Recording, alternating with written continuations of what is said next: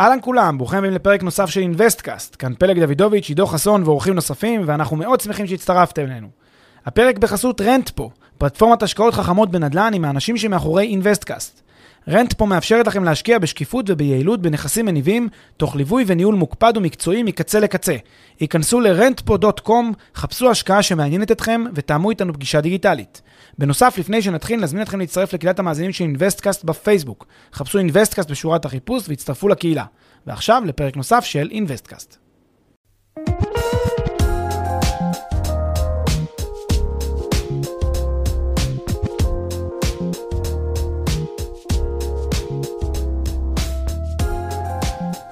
אהלן פלג, היי עידו, מה העניינים? בסדר גמור, מה המצב? מעולה.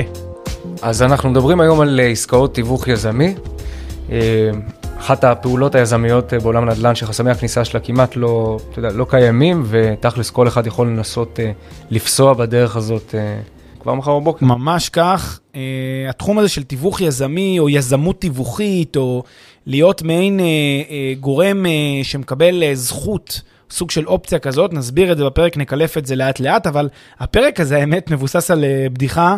uh, בדיחה על שני ישראלים, על איך שני ישראלים עושים עסקה. אז uh, איך שני, איך שני ישראלים עושים עסקה, אז לפי, לפי הבדיחה הזאת, אז uh, אחד אומר, לי יש uh, מיליון דולר, השני אומר, לי, יופי, לי יש נכס ששווה מיליון דולר.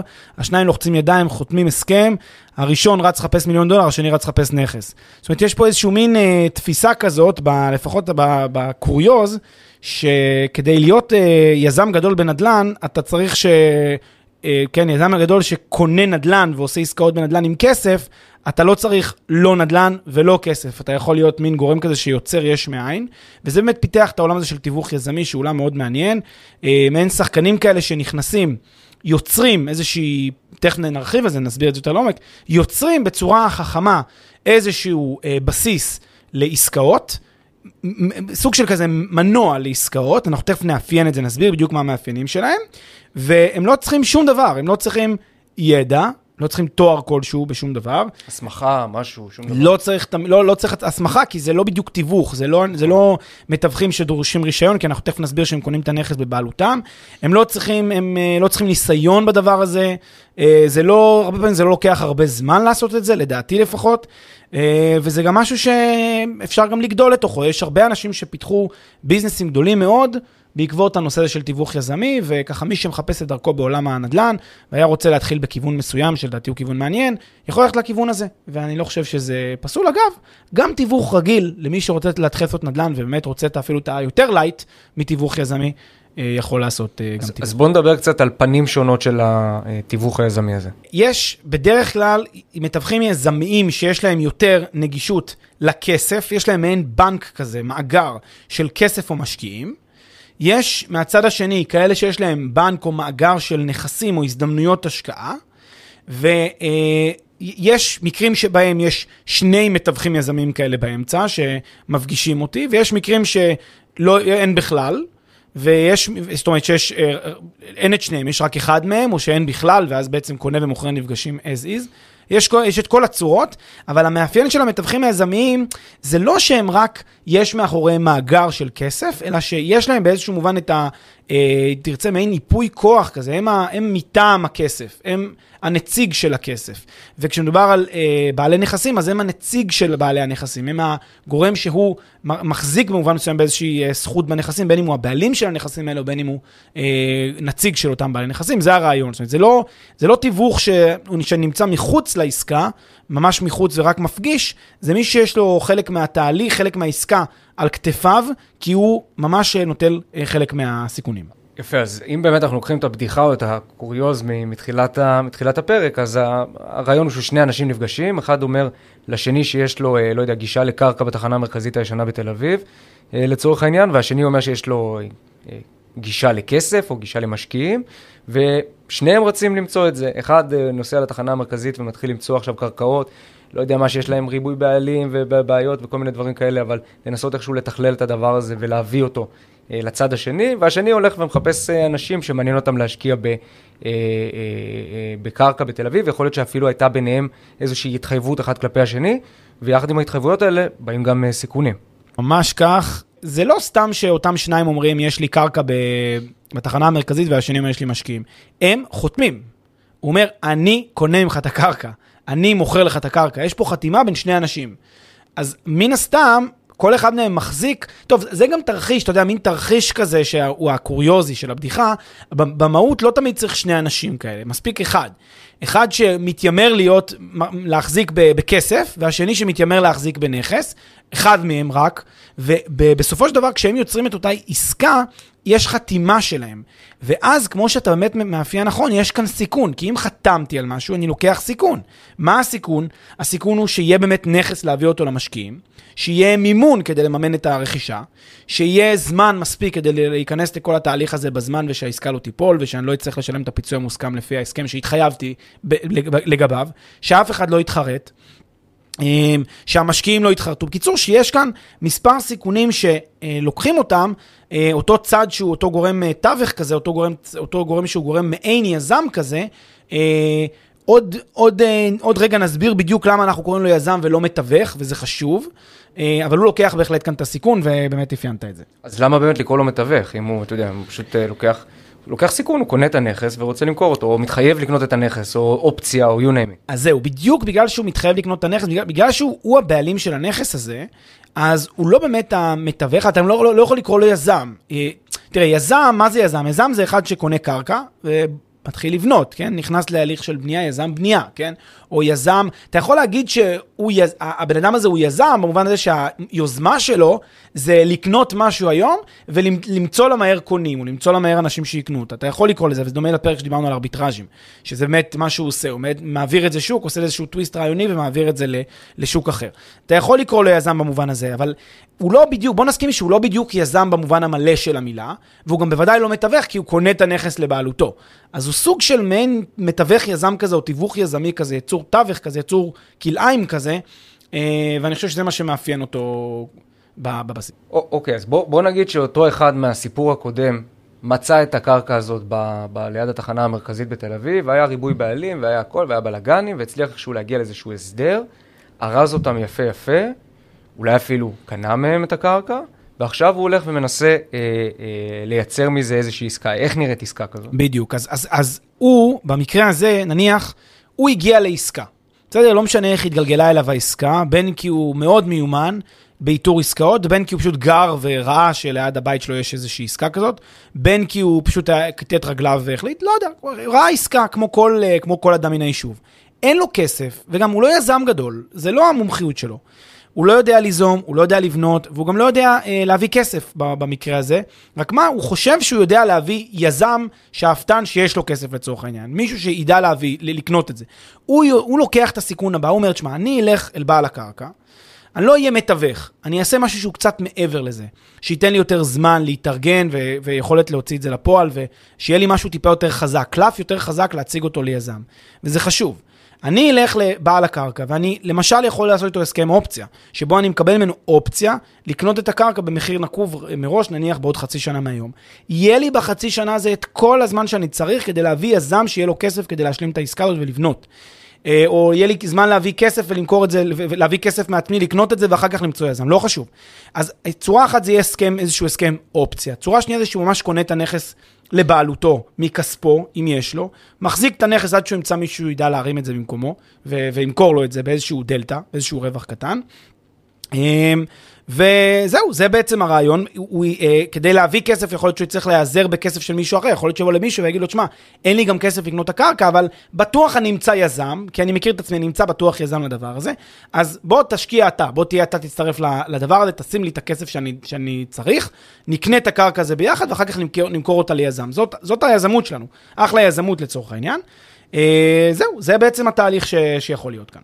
יפה, וה, והמודל העסקי בעצם הוא, אם אני מגיע בתור לצורך העניין מי שהולך להביא כסף מאנשים אחרים, אז יכול להיות שאני אקבל, אני אראה איזה עמלה בסופו של תהליך, mm-hmm. כאילו אם אני מתחייב לצד השני שאני אביא לו כסף, בדיוק. אני אקבל איזה עמלה, או לחילופין, אם אני ממש קונה את הקרקע או מתחייב לקנות את הקרקע, אז אני מצפה שתהיה איזושהי, שאני אצליח איכשהו כן, לעשות איזשהו ארביטראז' באמת, אחר כך לגלגל את זה ולמכור את זה ביותר. או להשתתף. או להשתתף. בעצם, תחשוב שאם אני בצד של, ה, של הכסף, נגיד אני באתי והתחייבתי לבעל קרקע, שאני הולך למצוא לו כסף כדי, או ליזם, התחייבתי ליזם שאני יודע למצוא לו כסף, אין לי עוד כסף למצוא לו, אבל אני מתחייב שאני אמצא את הכסף, ואני מבקש 2% על הכסף שהבאתי. אז במקרה כזה, אתה יודע, זה, זה לא בדיוק מתווך במובן הזה שלא רק טיווחתי בין הכסף אליו. נכון שבמהות...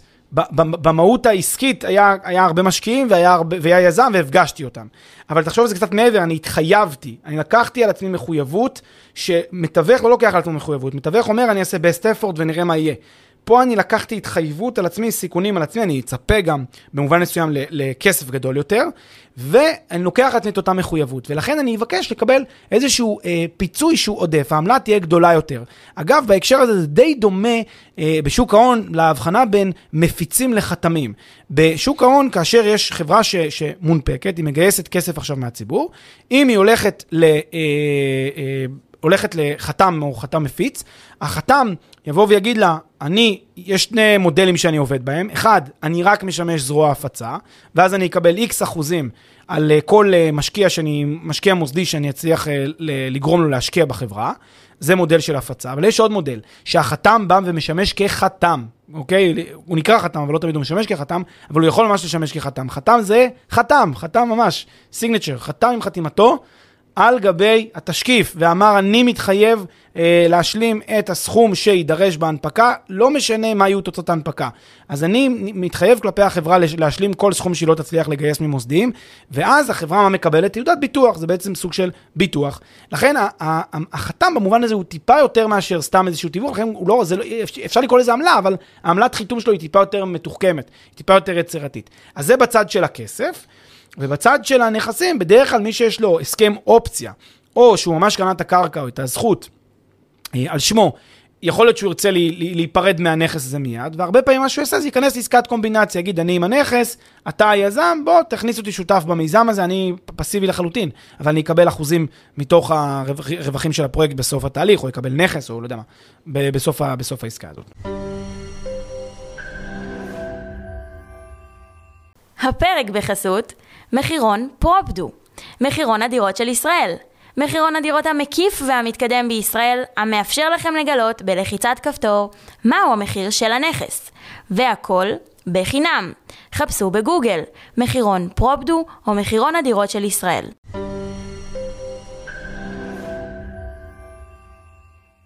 יפה, אז, אז עכשיו אני נוסע באוטו ושומע את פלג מדבר על המידלמן הזה ועל חסמי כניסה נמוכים וכולי, ואני אומר לעצמי, וואלה, למה שאני לא אנסה למצוא את החיבורים האלה אה, כאילו בעצמי? מה, איך, איך מייצרים בעצם הזדמנויות כאלה לעצמך? איך אתה מייצר לעצמך הזדמנות כזאת? תראה, אני חושב שבניגוד להרבה מיתוסים שיש בעולם הנדל"ן, ובכלל בהרבה מאוד עולמות כלכליים, לא צריך ממש להיות הראשון שמגיע ל, ל, ל, ל, לקרקע הזאת, או הראשון שמגיע למשקיעים, צריך להיות זה שיודע אה, לשווק נכון את העסקה, זה שמעיז, זה שלוקח את הסיכון, זה שמוכן לקחת את הסיכון. יש הרבה פעמים אה, דוגמאות, אתה יודע, לקרקעות כאלה, ש... כל מדינת ישראל דיברה עליהם, איזושהי אה, נקודה כזאת שכולם דיברו עליה, כולם ידעו עליה, ואיכשהו התגלגלה בין מלא מלא מלא חברות שבחנו אותה ואף אחד לא קנה, פתאום איזה חברה קונה, אתה יודע מה מיד יגידו? חברה נגיד מוכרת קנתה, אתה יודע מה כולם יגידו? בואנה, איזה אלופים, איך הם קנו את הקרקע, כאילו, מה, כולם עברו פה, איך, איך, איך קרה שכולם, הסיבה היא שאותה חברה שהתלבשה על הקרקע הזאת שכולם דיברו עליה, כן צרות, לא צרות, בסוף אם תפסת אחיזה בקרקע מסוימת, לא משנה המחיר שלה, אתה עשית, ב, אתה יכול לפעמים להיות אה, רק על זה לקבל את הבכורה, ואני אתן אה, תכף גם כמה דוגמאות אולי לכל מיני תחומים, אני רוצה לתת דוגמה אחת לנדל"ן, אה, וזה שיש הרבה נגיד קרקעות שהן קרקעות מיוחדות. נגיד קח אה, קרקע שנמצאת קו ראשון לים, בחוף הים של תל אביב.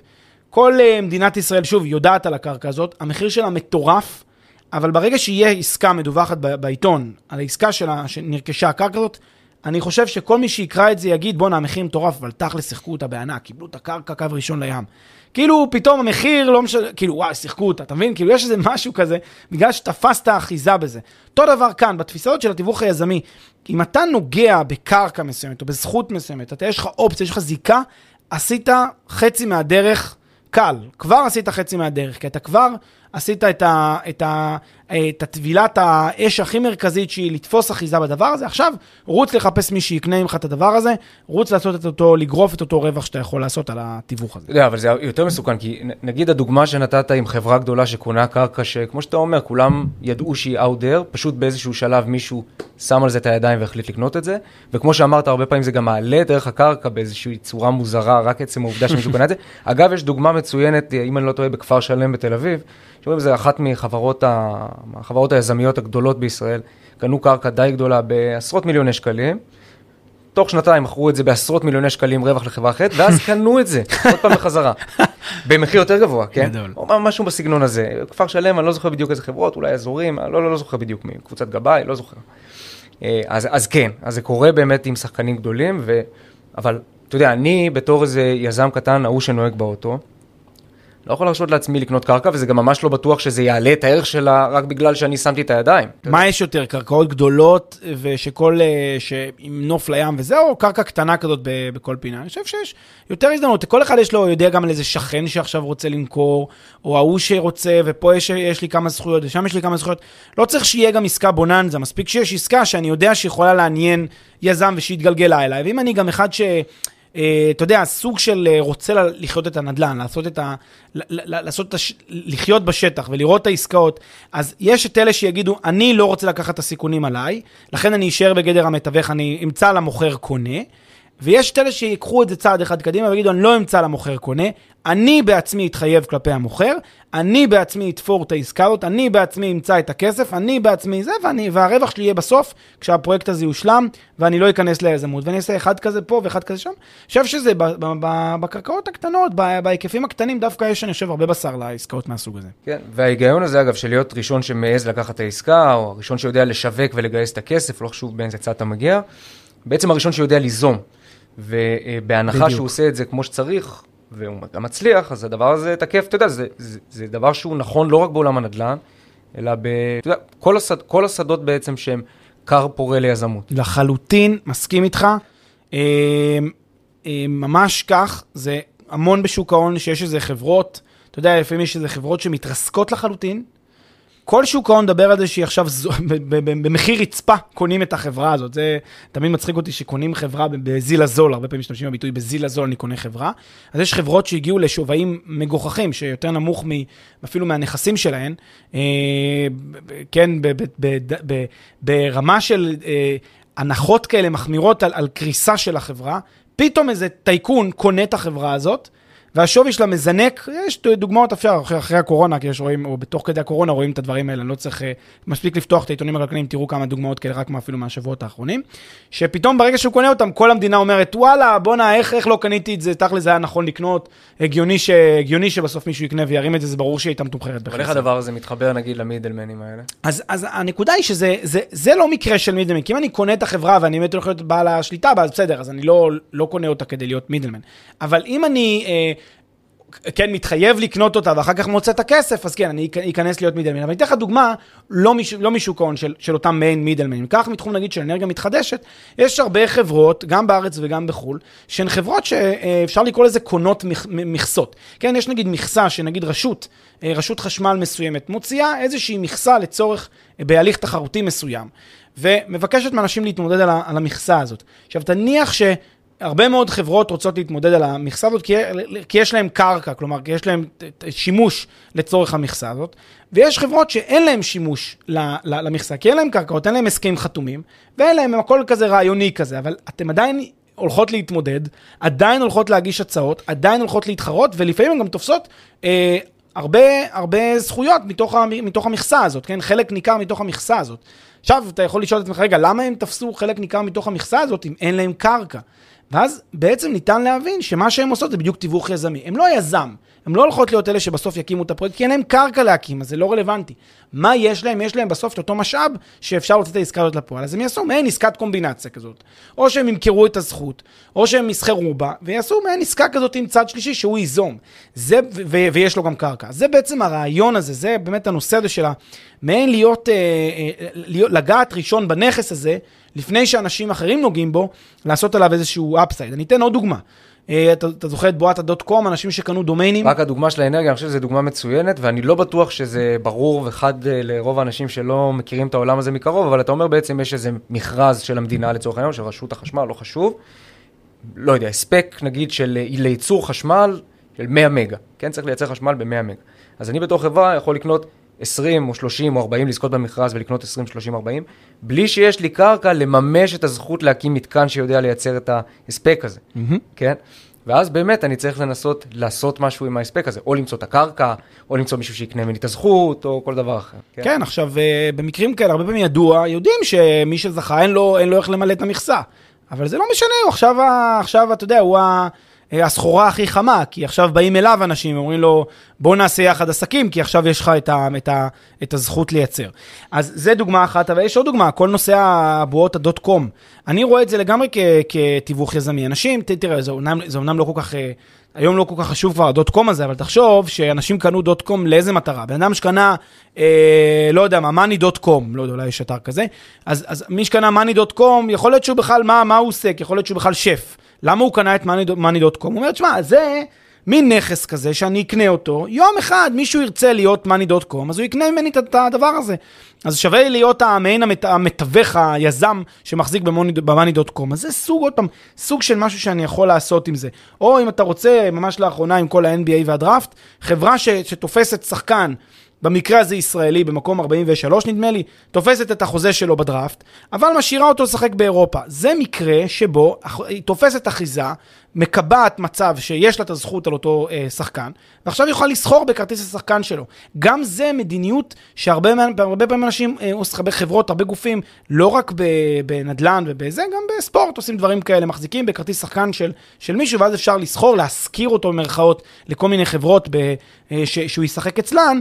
אז זה בעצם הרעיון. בעצם מה שמאפיין את כל הדברים האלה זה שאתה לא ממש משתמש בנכס שאתה קונה אותו, אתה קונה אותו כדי לשים עליו את היד ולממש את האופציה הזאת בעתיד. בדיוק, אתה קונה, אתה, אתה עושה את זה בצורה, כמו שאמרתי בתחילת הזה, הישראליות הזאת, הרעיון הזה. יפה, אז רוב מה שאמרנו עד עכשיו הוא באמת בצד של לתפוס את הנכס, ואז לחפש את הכסף, נגיד לצורך העניין, בדוגמאות הראשוניות שנתנו, כבר גלשנו לכל מיני דוגמאות קצת יותר מתקדמות, אבל אמרנו שזה עובד גם בכיוון של לרכז את הכסף ואז לחפש את הנכס. בדיוק, אז באמת זה, מה, ש- זה המודלים של הרבה מאוד uh, גופים, שהם קרנות, הרבה קרנות עובדות ככה, קרנות ריט למשל, מה הן עושות? הן הולכות לבורסה, מה הן מבקשות? הן מבקשות כסף מהציבור, למה?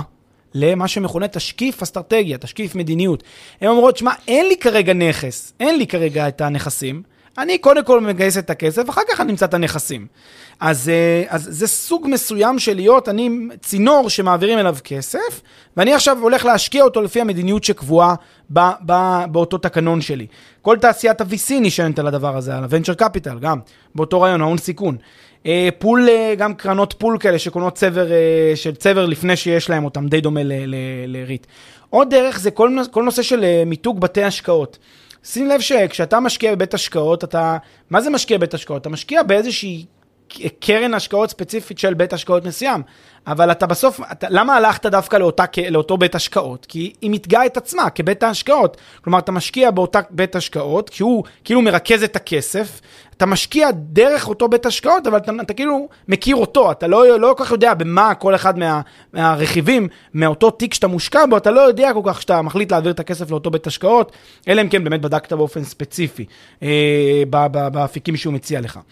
אה, ואז יש גם בהקשר הזה כל מיני הסכמי call for money, הסכמי קריאה לכסף. מה זה הסכמי קריאה לכסף? זה אומר, תשמעו, אני תכלס רוצה מכם כסף, תנו לי להחזיק רגע כסף, אני, אני גייסתי את הכסף מכם, עכשיו אני לחפש את הנכס. רואים? ואז אני אקרא לכסף אה, מכם. הרבה פעמים אני גם אקבל מכם התחייבות שתיתנו לי את הכסף למקרה שאני אצטרך אותו, זה אותו הסכם call for money. ואגב, בהקשר הזה, אה, יש גם הרבה אנשים שעושים, אתה יודע, שירות, שהם באים לבן אדם, אומרים לו, תשמע, אני אמצא לך את נכס חלומותיך. מה זה אני אמצא לך את נכס חלומותיך? אין לי כרגע נכסים, אין לי כרגע כלום בפול, אני לפעמים הרבה פעמים אעשה שואו כאילו יש לי, אני אגיד לך, "אה, יש לי מלא נכסים. עכשיו, ספציפית, אני לא אראה לך נכס, אבל קודם כל, תגיד לי מה הצרכים שלך, תגיד לי מה התקציב שלך, תעמיד אותו לרשותי, תגיד לי שיש לך עכשיו, לא יודע מה, חצי מיליון שקל שאתה מעמיד אותו לרשותי, אני עכשיו אלך לחפש לך נכס. זה די אותו דבר, כי אין לי כרגע נכס, אני לא באמת מחזיק באיזושהי עסקה, אבל כשאני בא עם כסף, אז אני כבר בא עם משהו שהוא טיפה יותר, אה, טיפה יותר רציני בהקשר הזה, וטיפה יותר בטכניקה הזאת, כן. אז אם חוזרים לבדיחה מתחילת הפרק, אז יש, אתה יודע, בכל צחוק יש קצת אמת. אז זהו, יש, קצת הרבה אמת. יש באמת הרבה מן האמת בבדיחה הזאת, ואני אתן לך תרחיש שבו הבדיחה הזאת קורית במציאות, והיא פתאום הרבה יותר מציאותית מבדיחתית. אם יש בן אדם כלשהו שיש לו הרבה מאוד משקיעים בתפוצת וואטסאפ, בסדר? ויש בן אדם אחר שמכיר הרבה מאוד יזמים שצריכים כסף והם מחפשים, אה, מחפשים משקיעים, הם מחפשים כסף, ואותו בן אדם ראשון סוגר עם הבן אדם השני עסקה, כן, הוא אומר לו, אה, עזוב, אני, יש לך נכס, אני עכשיו סוגר, חותם לך על הנכס הזה, שלי, תרשום על שמי. אפילו לפני שהוא בדק בקבוצת וואטסאפ שלו עם הרבה משקיעים, יכולה להיות עסקה כזאת.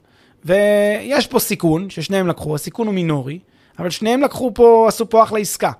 אה, לקרוא להם מתווכים, לא הייתי קורא להם מתווכים, כי הם לא בדיוק בקו הזה של, ה, של התיווך, הם קצת מעבר לכך, הם יותר לכיוון היזמי, ואני חושב שזה אחלה מודל, שוב, למי שיש לו את הרצון לקחת את זה צעד אחד קדימה, לא רוצה להיות מתווך, לא רוצה ללכת ליזמות עדיין, כי הוא עדיין לא חושב שהוא מוכן לבנייה ולמורכבות הנדל"נית, הוא רוצה את המשהו שבאמצע, יודע, אחד, או לבנות מאגר משקיעים כזה, לבנות את, ה, את הפול של המשקיעים, שהוא יודע ב, בקריאה, כן, ב, שהוא כל פורמני, הוא קורא לכסף, בטוח יש לו את הכסף בהתחייבות, כי הוא בטוח שמישהו מהם יבוא וייתן לו את הכסף, או מצד שני שיש לו מאגר כזה של נכסים שהוא יודע בוודאות שהוא, שהם צריכים כסף ושהוא שולף מתוך הפול הזה בדקת קריאה, כי יש לו אה, הבטחה, כן? לקבל, או שיש לו אופציה לקנות את זה, ואז אין, אין שום ספק שהנכס יברח לו, או שאפילו הוא קונה את הנכס על שמו. אה, אז יש לו את הפול הזה, אחד משתי האפשרויות האלה, אחלה של תיווך יזמי, אחלה של יזמות נדל"ן, ואני חושב שזה בהחלט אה, נקודה מעניינת. תודה, פרק. תודה רבה, עידו.